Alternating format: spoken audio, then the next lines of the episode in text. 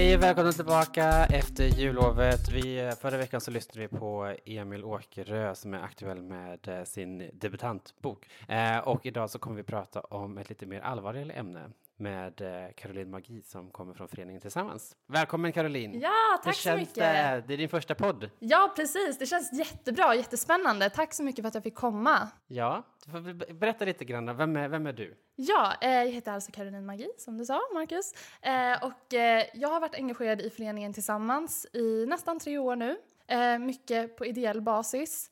Vi jobbar mot sexuellt våld. Det är en stor hjärtefråga för mig och det är också därför som jag lägger ner så otroligt mycket tid och energi på det. Eh, och det som jag gör i föreningen då, det är att jag leder stödgrupp för våldtäktsutsatta. Jag utbildar våra mentorer och eh, utvecklar vårt mentorskapsprogram. Mentorerna är alltså våra volontärer som är som förebilder för andra som har varit utsatta för sexuellt våld. Så de använder sina erfarenheter för att eh, hjälpa andra helt enkelt. Eh, och sen så är jag också med i vårt opinionsbildande arbete. Då åker vi till Almedalen och vi skriver debattartiklar, vi träffar politiker och så vidare. Och eh, vad gör vi mer? Jag ska också börja föreläsa nu, det ska bli jättespännande. Gud vad roligt! Ja. Har du föreläst någonting tidigare? Nej, inte, inte officiellt så. Nej. Jag har mer Med Pratat för mentorerna och sånt där som du Ja. berättade inom föreningen? Precis, det ska bli jättespännande. Ja, det är som sagt ett väldigt, väldigt, väldigt tungt ämne. Hur går ert arbete till? Liksom? Hur hittar man er? Och, och... Mm. Ja, vi har ju en hemsida där man kan hitta all information om oss. Föreningen tillsammans.se Vi har ju då en stödverksamhet där vi har stödgrupper just nu i Stockholm och Göteborg. Och så har vi ju då våra mentorer runt om i landet som man kan chatta med, skypa med eller träffas en gång i veckan. Och så har vi också då vår stödmail. Vi har också pausat vår stödverksamhet lite nu för att utvärdera den för att se om vi faktiskt kan leverera kvalitet och se om det finns något värde i, för mentorerna att vara mentorer. För de ska ju också tjäna någonting på det, tänker vi, som också har varit utsatta för sexuellt våld. Just det, precis. Men jag, alltså, jag tänker att jag skriver böcker, jag vet att du inte har läst mycket om mina böcker än. Mm. inte än. Inte men, än. Inte än. men i alla mina böcker så har jag med någon slags sexuellt våld.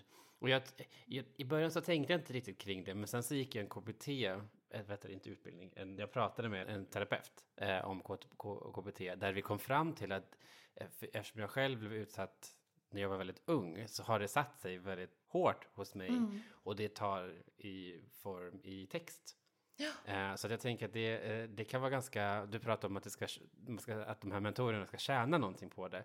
Jag har upplevt att det har varit jätteskönt prata om det med andra och dela med sig och försöka finnas där för de andra. Det för mig räcker nästan. Ja. Men hur tänker du att de ska, vad är det mer som Alltså det som är lite unikt för just vår förening det är att vi är en förening av och för utsatta. Så vi som engagerar oss, de allra flesta då, har själva erfarenheter av sexuellt våld. Och vi tror väldigt mycket på att man kan använda sina traumatiska erfarenheter till någonting gott för samhället. Och det är lite det du var inne på, att, eh, att använda det till att... För att jag, jag har också varit utsatt för sexuellt våld och det jag har upplevt är att ingen förstår ju mig. Ja, men ingen fattar ju det här, ingen fattar den här skammen och skulden som man går runt med och det, det leder ju då till sekundär traumatisering så man, man får den här skammen och skulden den blir man ju aldrig av med på grund av det, att man blir bemött på ett sätt för att de inte förstår. Men när man pratar med någon som man vet förstår då behöver man inte ens, ens en gång säga så mycket. Det var det jag upplevde när jag kom in i föreningen att vi behöver inte ens prata om det ens en gång för att jag känner den här andan i rummet Just att, det. att vi fattar liksom. Hur fick du reda på föreningen? Vart hittade du den så att säga? Ja, hur gjorde jag det? Jag började engagera mig först och främst i Tjejzonen för att jag ville bidra med någonting gott för samhället. Eh, Jag hade kommit till insikt om mycket då under den tiden i mitt liv att ja, men det, det handlar om ett strukturellt förtryck och, och jag måste göra någonting, jag måste använda mi- mina erfarenheter till någonting. Och då så var det en person där som tyckte att jag påminde mycket om Emma och Julia som då är grundare av föreningen Tillsammans. Och så då har det liksom funnits med mig i bakhuvudet. Och sen så träffade jag Julia en gång. Hon eh, var med på en workshop som vi hade och hon pratade om sina egna erfarenheter. Och den upplevelsen kommer jag aldrig glömma. För jag, jag började skaka och jag, jag kände så här, men gud, det är någon som verkligen pratar så otroligt öppet om den här frågan. Det här har jag aldrig någonsin varit med om. Och jag blev så otroligt fascinerad och jag var tvungen att liksom ha kontakt med henne och engagera mig i föreningen. Och då blev det lite ett byte där. Ja, det är fantastiskt. Och vad jag tycker om med, med den där historien som du berättade nu Mm. är att, att du vänder någonting väldigt negativt till någonting positivt. Mm. Alltså du, du tar det här bagaget som du har burit på och försöker lyfta ut en del i taget, men du gör det för att hjälpa andra. Mm. För det, det finns ju inget, du kan ju inte göra påverka så mycket vad som har hänt dig, men du Mm. kan finnas där för stöd för andra, eller hur?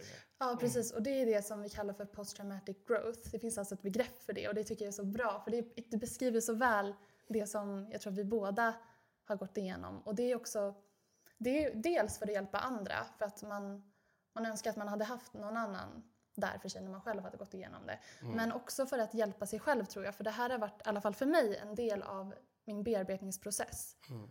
Att använda det Jo, till precis. För jag tycker det där är så himla viktigt att finnas där för andra det, och, och att höra någon annan prata om det. Mm. För när det hände mig var jag bara 13 år. Ja. Det tog i form av att jag själv ville inte se mig själv som ett offer så därför så gjorde jag mig, inte en våldtäktsman, men jag vägrade liksom ta skit på mig Mm. och det, sex har för mig eh, för, nu, för mig var det sex, sexuellt våld kan ju vara allt ganska brett. Ja, är det ju. precis. Eh, Men i mitt fall så var det en, en man som eh, det är också så, det där med skammen också. Mm. Jag hade bjudit in honom i mitt eget hem när mina föräldrar var borta. Så har man sig själv att skylla då. Mm. Alltså förstår du, de, de där tankarna som man har inom sig. Ja, strunt samma, vi ska inte gå in på detaljer. Men efter det så har jag sett sex som, som eh, bara ett, någonting oviktigt. Det har inte betytt någonting. Mm. Men det har ju betytt någonting för andra. Och folk har ju sett den här sexakten som någonting mycket, mycket mer än vad jag har gjort. Eh, så därför har folk blivit sårade eh, i väldigt många år. Tills man kommit insikt för det och det är ganska nyligen, det är bara några år sedan som jag fattade liksom vad man hade gjort och försökte vända mig till de här personerna som jag har, det är en ganska lång lista, och liksom bett om ursäkt. Många tog emot den, många vill inte svara, men då har jag i alla fall försökt. Mm.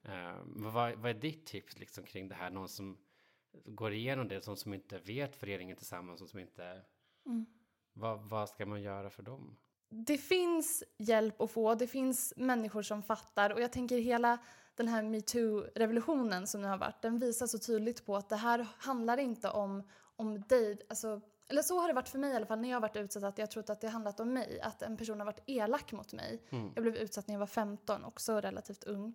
Eh, att jag trodde att det handlade om att men jag kanske var ful eller jag, jag kanske bara förtjänade det för att jag, jag sa någonting fel. Mm.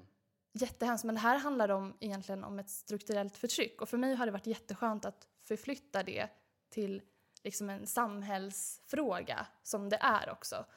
Och att man bara påminner sig om det, att, att det kan vara skönt, för vissa i alla fall, att tänka så. Och sen så är det helt okej också att se sig själv som ett offer, det får man göra. Men i föreningen så brukar vi faktiskt inte alls använda oss av det begreppet, utan vi pratar om att man har blivit utsatt eller drabbad för. Och så pratar vi om att, man, att målet är liksom att man ska betrakta sig själv som en överlevare. Mm. Så ibland så pratar vi också om våra stödsökande som överlevare. Men tips, ja. Vänd er till någon förening. Det finns massvis med olika föreningar. Eh, dels av oss, föreningen Tillsammans. Det finns Mhm. föreningen Stora Syster. Det finns massvis med olika tjej och kvinnojourer. Det finns också för, eh, tyvärr inte så, så mycket för de som identifierar sig som killar eller män.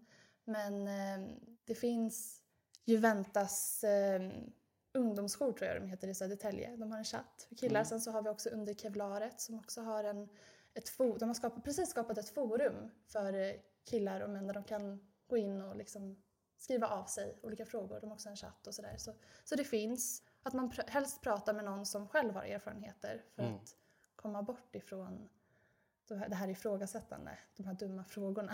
Varför jag- tror du att det inte finns lika mycket för killar som för tjejer? Ja, vi vet ju att stigmat är något otroligt när, vi, när man pratar om sexuellt våld generellt. Och då pratar man ofta om kvinnor som offer och män som förövare. Och det är så det ser ut om vi snackar strukturer. Men eh, stigmat är desto högre om du är man eller kille och offer. För att det går inte ihop med machokulturen och Nej. maskulinitetsnormer. Och därför tror jag att man inte har fokuserat lika mycket på Vilket är det. jättetråkigt eftersom det Ja. händer. Jag vet flera stycken. Den här mannen som jag nämnde tidigare, eh, jag var definitivt inte ensam om Nej. honom. Det kom fram flera år senare att det visade sig att han hade gett på så flera. Det värsta var ju, att, särskilt ni som hänger på nätet, för det här var ju via nätet. Och han hade en egen historia för varje person han pratade med. Så till, till mig till Mm. exempel så pratade han att eh, han var handbollsdomare eh, domare, för jag spelade handboll. Sen så berättade han att han inte hade så mycket kontakt med sin mamma och jag hade inte så bra kontakt med min mamma. Så han liksom hittade connections med mig. Rela- Så att jag kunde relatera till honom och ta in honom. Och sen så ljög han om sin ålder också för den delen. Ja. Men sen för en annan kompis så hade han världens bästa relation med sin mamma och han höll på med någonting. Alltså förstår du, han hade olika Så personer. det var vänner till dig också som hade... Det blev vänner. Ja, det blev vänner. Ja, ja. För vi hittade varandra Mm. och sen så, men ingen vågade ju heller göra någonting. Särskilt i mitt fall, jag, jag var 13, spelade handboll, småstad. Jag hade inte ens kommit ut för min bästa vän. Hur skulle man prata då om att Mm. men jag tog in en man i mitt hem? Alltså det, det går liksom inte. Nej. Och jag tror mycket har med skuldbeläggandet att göra. Att du känner att det är ditt fel fast det inte alls är så. Det är liksom helt fel tänkt. Ja, men det är som du säger, eh, alltså det, man överlevde. Mm. Eh, jag är jättefascinerad. Jag tycker det är jätteviktigt att ni håller på med det ni gör. Och jag tycker det är så bra ord med överlevare. För att man var så stark nog att ta sig igenom det. Det är det det handlar om. För att vi snackar om, alltså sexuellt våld, det innebär ju så djupa konsekvenser för ens psyke. Och speciellt när man är i den åldern också, när man håller på att ska forma sin identitet under tonåren. Det förstör ju så otroligt mycket och det drabbar en för resten av livet, eller det påverkar en. Sen så betyder det ju inte att man är ett hjälplöst offer, utan det går att komma ifrån det. Det är därför vi pratar om överlevare. Men sen också det här med sexualitet, att det är så otroligt viktigt. För du sa ju det att, att du har sett sex som någonting som bara är lite så här... Ja. Så alltså de har varit, alla mina lovers, de har, alltså det har varit bomullstussar liksom. Mm, Man har mm. använt dem och sen har man slängt dem. Mm, Och det, det är absolut inte schysst. Och det vet jag ju om. Eh, och det ångrar jag jättemycket. Men i, i, när man är så nedbruten, man kan inte se objektivt liksom. Nej. Och det är ingen annan heller som såg det. Sen de få personer man berättade för, de, tog, de blev mer ledsna över vad som hade hänt mig än vad jag var. mm, För jag bara så här, ja ja, men det har hänt, whatever liksom. Men jag har vänner som, som, som grät när jag berättade för dem. Och jag bara, men varför gråter du för det liksom? Vad som har hänt har hänt. Det blev ditt sätt att hantera det på, ditt sätt att försvara dig själv på. Att betrakta det som du hade utsatt dig för bara sex och inte en våldtäkt. Och jag kan relatera lite till det att, att inte förstå skillnaden mellan våldtäkt och sex. Och det har varit liksom en resa att kunna förstå att men det är ju faktiskt motsatsen. Så det är helt begripligt det du säger. Ja, egentligen. det är tråkigt för dem. Men vad, vad, i, i föreningen, vad är det för åldrar? Märker ni någon, trend är väl fel ord, men alltså där det är mest personer? Ja, precis. Det, De flesta som vänder sig till oss, de är mellan 15 och 24. Mm. Och det vi vet är att kvinnor mellan ja, 16 och 24 är de som är mest utsatta, har jag för mig. Eller så är det de som är mest benägna att, att anmäla. Mm. Och jag tror att den yngre generationen har lättare att kunna prata om det och söka hjälp. För att de ser saker på nätet, de hör folk som pratar om det öppet, att det finns hjälp att få. Jag har hört om kvinnor i arbetslivet som inte vill, vill säga någonting för att då blir de sedda som offer.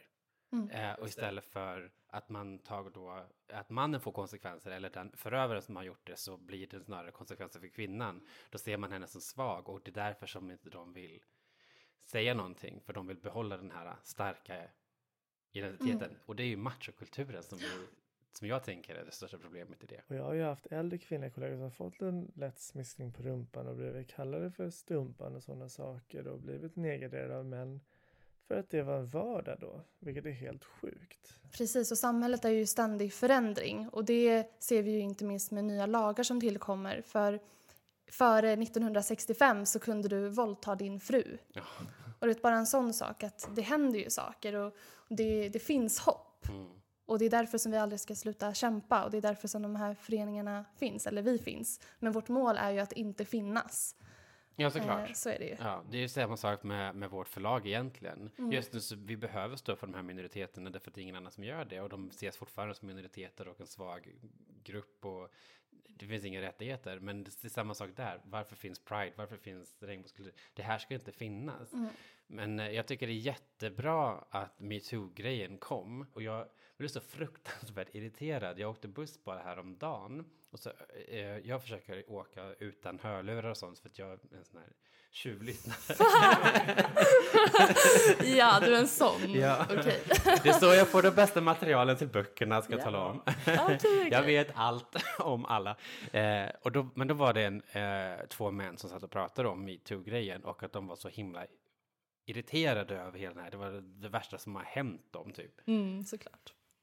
Jag blir så här, men vad är det värsta som har hänt? Vad är det, i din lilla värld, vad, vad är det som har hänt? Fast om de på riktigt känner så, om det, för jag har också hört det där att, ja men hur ska man då kunna ragga med kvinnor på krogen? Eller hur ska man skriva något jävla kontrakt då? Så bara, fast om det är så du känner, snälla håll dig hemma och isolera dig, gå helst inte ut, prata inte med någon. Alltså, Nej men det är ju verkligen det. Det är ju för sig, det är sant. Det, det kommer ju verkligen fram vilka typer av personer som det är. Mm. Hur ska vi nå de personerna? Kommer vi kunna nå de personerna? det här har vi reflekterat mycket kring och det, det är svårt för att det, ja, det är svårt att inte helt, helt enkelt bli provocerad för att det visar ju så tydligt på att det här är ju ett strukturellt problem. Det här är ju liksom tankemönster som män går omkring med och inte bara enskilda män, inte en viss grupp av män utan det här är verkligen, det är män som är den gemensamma nämnaren. Ehm, och hur ska man nå dem? Ja, man, man, eh, på något vis så måste man ändå kunna möta dem i hur de tänker och försöka liksom, förstå dem och inte gå till attack. Det är någonting man borde ha börjat med i tidig ålder. För till exempel är det en man som är 35 år och har hör, fått höra hela sitt liv att ja, du spelar fotboll som en tjej, du springer som en tjej. Eller, då ser man ju kvinnor som något mer negativt, något lägre än sig själv och inte har samma värde. Och det är där man borde börja tänka om. Och det är svårt för någon som är 35 kanske att nå in på samma sätt. Men då får man hitta någonting som de kan relatera till. Till exempel om det gäller din syster eller din mamma. Att man försöker nå in på så sätt. Vad är det för typ av människor som kommer på de här föreläsningarna som ni gör? Vi föreläser främst för skolor, Mm. ungdom, ungdomar, jag kan inte säga ordet, Ungdomar. ungdomar heter det. Det var väldigt svårt att säga tydligen. eh, grundskola och gymnasieelever främst, men sen också yrkesverksamma, så skolpersonal, Mm. eh, det kan vara mm, behandlingspedagoger eller Ja, poliser eller... eh, För det tror jag också är helt rätt Mm. publik. Mm. Men när- när ni gör de här utbildningarna, är det obligatoriskt då för de som ni går att alla ska se eller märker ni att det är mer kvinnor till exempel som jag tänker att det kanske är mer benägna att lyssna?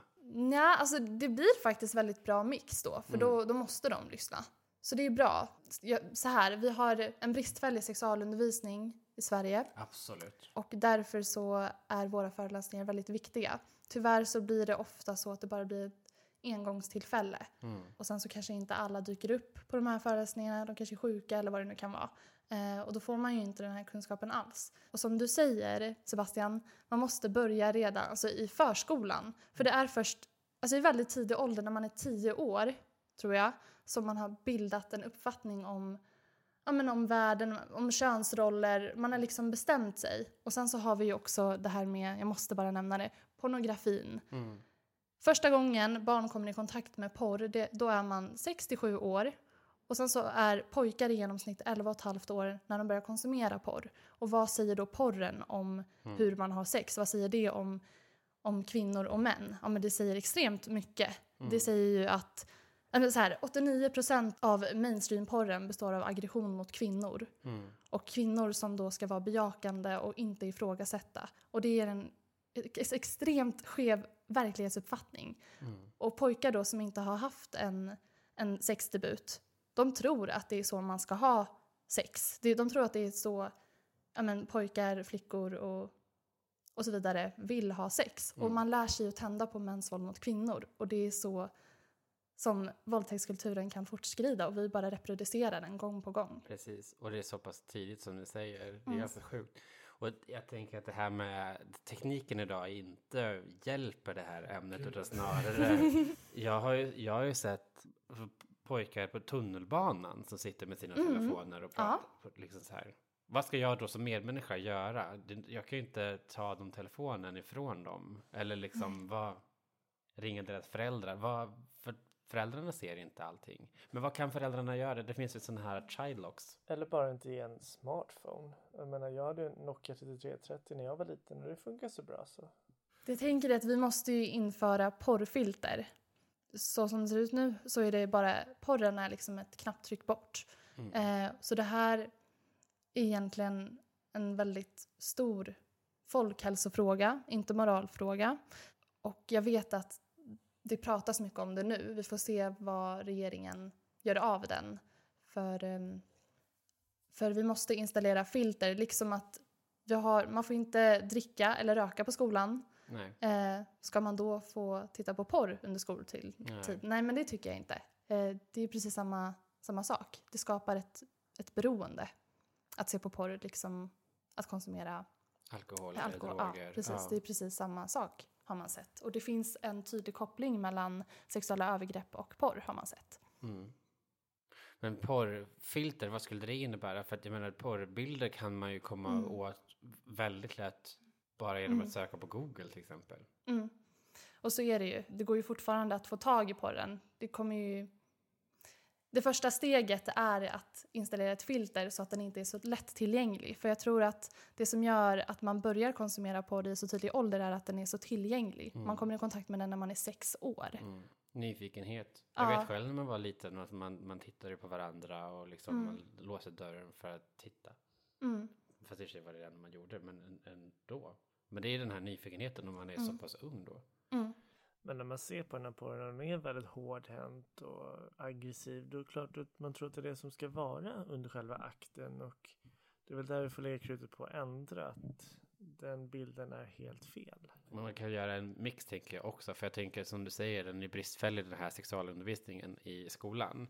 Eh, jag minns att vi hade i alla fall en föreläsare på, på högstadiet som kom och pratade om just porr.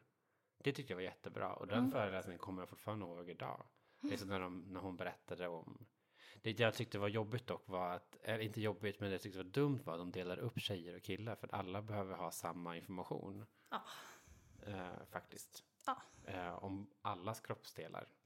Eh, och sen har vi läggningar och identiteter och allting som tillkommer också, eller tillkommer, som är där. Mm. Så att man behöver inte köra blandade klasser. Mm. Och det där är ju så ålderdomligt, tänker jag. Att man, alltså traditionellt att dela upp på det sättet. Och, att, och det säger ju också någonting om så här, vad är det för eh, normerande könsroller vi pratar om. Ja men det är tydligen bara tjejer och killar. Tänk om man identifierar sig som någonting annat, var hamnar man då? Eller Ja, men precis. Så. Så det är hemskt på många sätt att man gör på det sättet. Men Ja. ja. Och sen så fick inte jag vara med mina kompisar. Mina kompisar var ju bara tjejer. Ja. så då fick jag sitta där med fotbollsklassen. Ja. Eh, men nej, men mer bättre sexualundervisning. Men känner ni att ni får resultat? Alltså hör ni elever som hör av er eller skolor som hör av er efter föreläsningar och Ja. säger ja, bra, vad Ja säger men de? det gör de verkligen. Att de har fått en helt annan bild, de har vaknat upp. Att få höra det, alltså det är fantastiskt. Det är det som gör att man orkar fortsätta. Mm. Eh, och så har vi också en del skolor som, eh, som vill eh, ha oss mer än en gång. Som hör av sig årligen. Det är jättekul. Bra. Eh, ja, så, men så det gör vi. Det är jättebra. Och sen så, jag vet inte om ni har hört talas om våldspyramiden? Upplys oss och Ja, lyssnarna. för jag, jag tycker att den beskriver så otroligt väl hur det är möjligt att ja, men exempelvis sexuellt våld kan förekomma i ett samhälle. Och det är ju då basen av pyramiden som liksom upprätthåller det. Basen består av objektifiering, ett problematiskt språkbruk, traditionella könsroller och så vidare. Och då en del av det är ju också att inte säga någonting. Det är att dra sexistiska skämt, Mm. homofoba skämt och så vidare. Och sen så kommer ju då psykiskt och fysiskt utnyttjande, hot. Och efter det kommer våldtäkt, eh, misshandel och högst upp finner vi mord. Mm. Det är inte så att man går och våldtar någon bara sådär. Nej. Det här är strukturer vi snackar om. Att små handlingar och att inga handlingar också är att vara en del utav det sexuella våldet. Så Precis. alla är det, ingen är fri från det. Alla har ansvar i att se till så att vi kan komma vidare i ett samhälle. Och sen, alltså ingen handling är ju faktiskt en handling. Det är nästan Mm. en värre handling än att Mhm. säga nej eller ja. Mm. Det är, det är likgiltighet. Och det är nästan värst tycker jag. Att man inte ens reagerar. Exakt. Ah. Men jag tycker det är jätteintressant. Och hur, hur, ska ni, hur kommer ni fortsätta det här? Hur kommer ni påverka samhället? Pratar ni med politikerna och får respons därifrån? Vi får vara på dem väldigt mycket. Almedalen är ett jättebra sätt att hålla sig uppdaterad, att liksom klänga lite på politiker. Och nu så är det ju valår. Det ska bli väldigt spännande. Vi ska fokusera nu lite mer på vårt opinionsbildande arbete i och med att vi kommer pausa stödverksamheten något. Eh, Vi ska håller på och ska anställa en person som ska ha hand om precis det utåtriktade arbetet så vi kommer kunna lägga ner desto mer krut på det. Mm, Så det ska bli ett jättebra år. Har ni eh, veckoträffar eller kan man komma till, har ni något kontor någonstans, lokal? Nu har vi precis flyttat ihop med Sveriges kvinnolobby i Sankt Eriksplan. Ja. Eh, så vi har en helt ny lokal där, dit kan man komma. Men mer information kommer komma ut om det. Det. Eh, så då kan man komma och hänga där om man vill. Vi har tidigare haft aktivistträff. Det har man en gång i månaden då. Och då går man ihop och snackar ihop om så här vad man vill göra. Eh, om man vill starta upp någon ny kampanj eller vad det nu kan vara som har att göra med det utåtriktade arbetet. Men vi har pausat det nu också i väntan på att vi ska anställa en person. Det är det här med pengar Ja, och så vidare tyvärr. Alltid ett jäkla problem. Så, Man- hit, så hittills är det på hemsidan som ni syns och hörs på där man kan kontakta er och sen så får man hålla utkik. Det kanske har något nyhetsbrev som man kan signa upp sig på och ha. Ja, eh, man kan ju bli medlem hos oss för att få tillgång till det. Eller så kan man bara hänga på våra sociala medier. Vi har ju Instagram och Facebook. Så där får man jättegärna gå in och skriva. Man kan skriva till oss på meddelandena, mejla eller så om det är något specifikt man önskar. Vi har tidigare haft så här pärldagar för att bara samlas och liksom känna att man är en del av, av ett sammanhang. Ja, det är Eh. jätteviktigt tänker jag. Ja. Och sen inte bara prata med någon på papper utan man träffar liksom någon. Och, Mm. så det ska bli, det, det låter jättebra. Hur mycket kostar det att bli medlem? Tror att det nu ligger på 100 kronor per år. Ja, det är inte så farligt heller. Nej, men sen så är det klart att vi löser det om det är så att man inte har möjlighet att betala. Eh, finns det någon åldersgräns där eller kan vem som helst bli medlem? Nej, vem som helst kan bli Mm. medlem. Perfekt. Vad finns det mer på den här hemsidan som man kan få lite matnyttigt av? Jo, man kan gå in och läsa olika historier. Det finns en bild på personer som har varit utsatta och så deras historia om vad de har varit med om. Och det kallar vi för true faces. Så där kan man gå in och läsa. Förhoppningsvis känna sig lite mer pepp. Finns det din historia där också? Min historia finns också med där. Mm. Det ska jag läsa de här sen. Vi vill tacka dig så jättemycket för att du kom hit och lycka till med allt. Och vi har bara en sak till att säga. Toodaloo!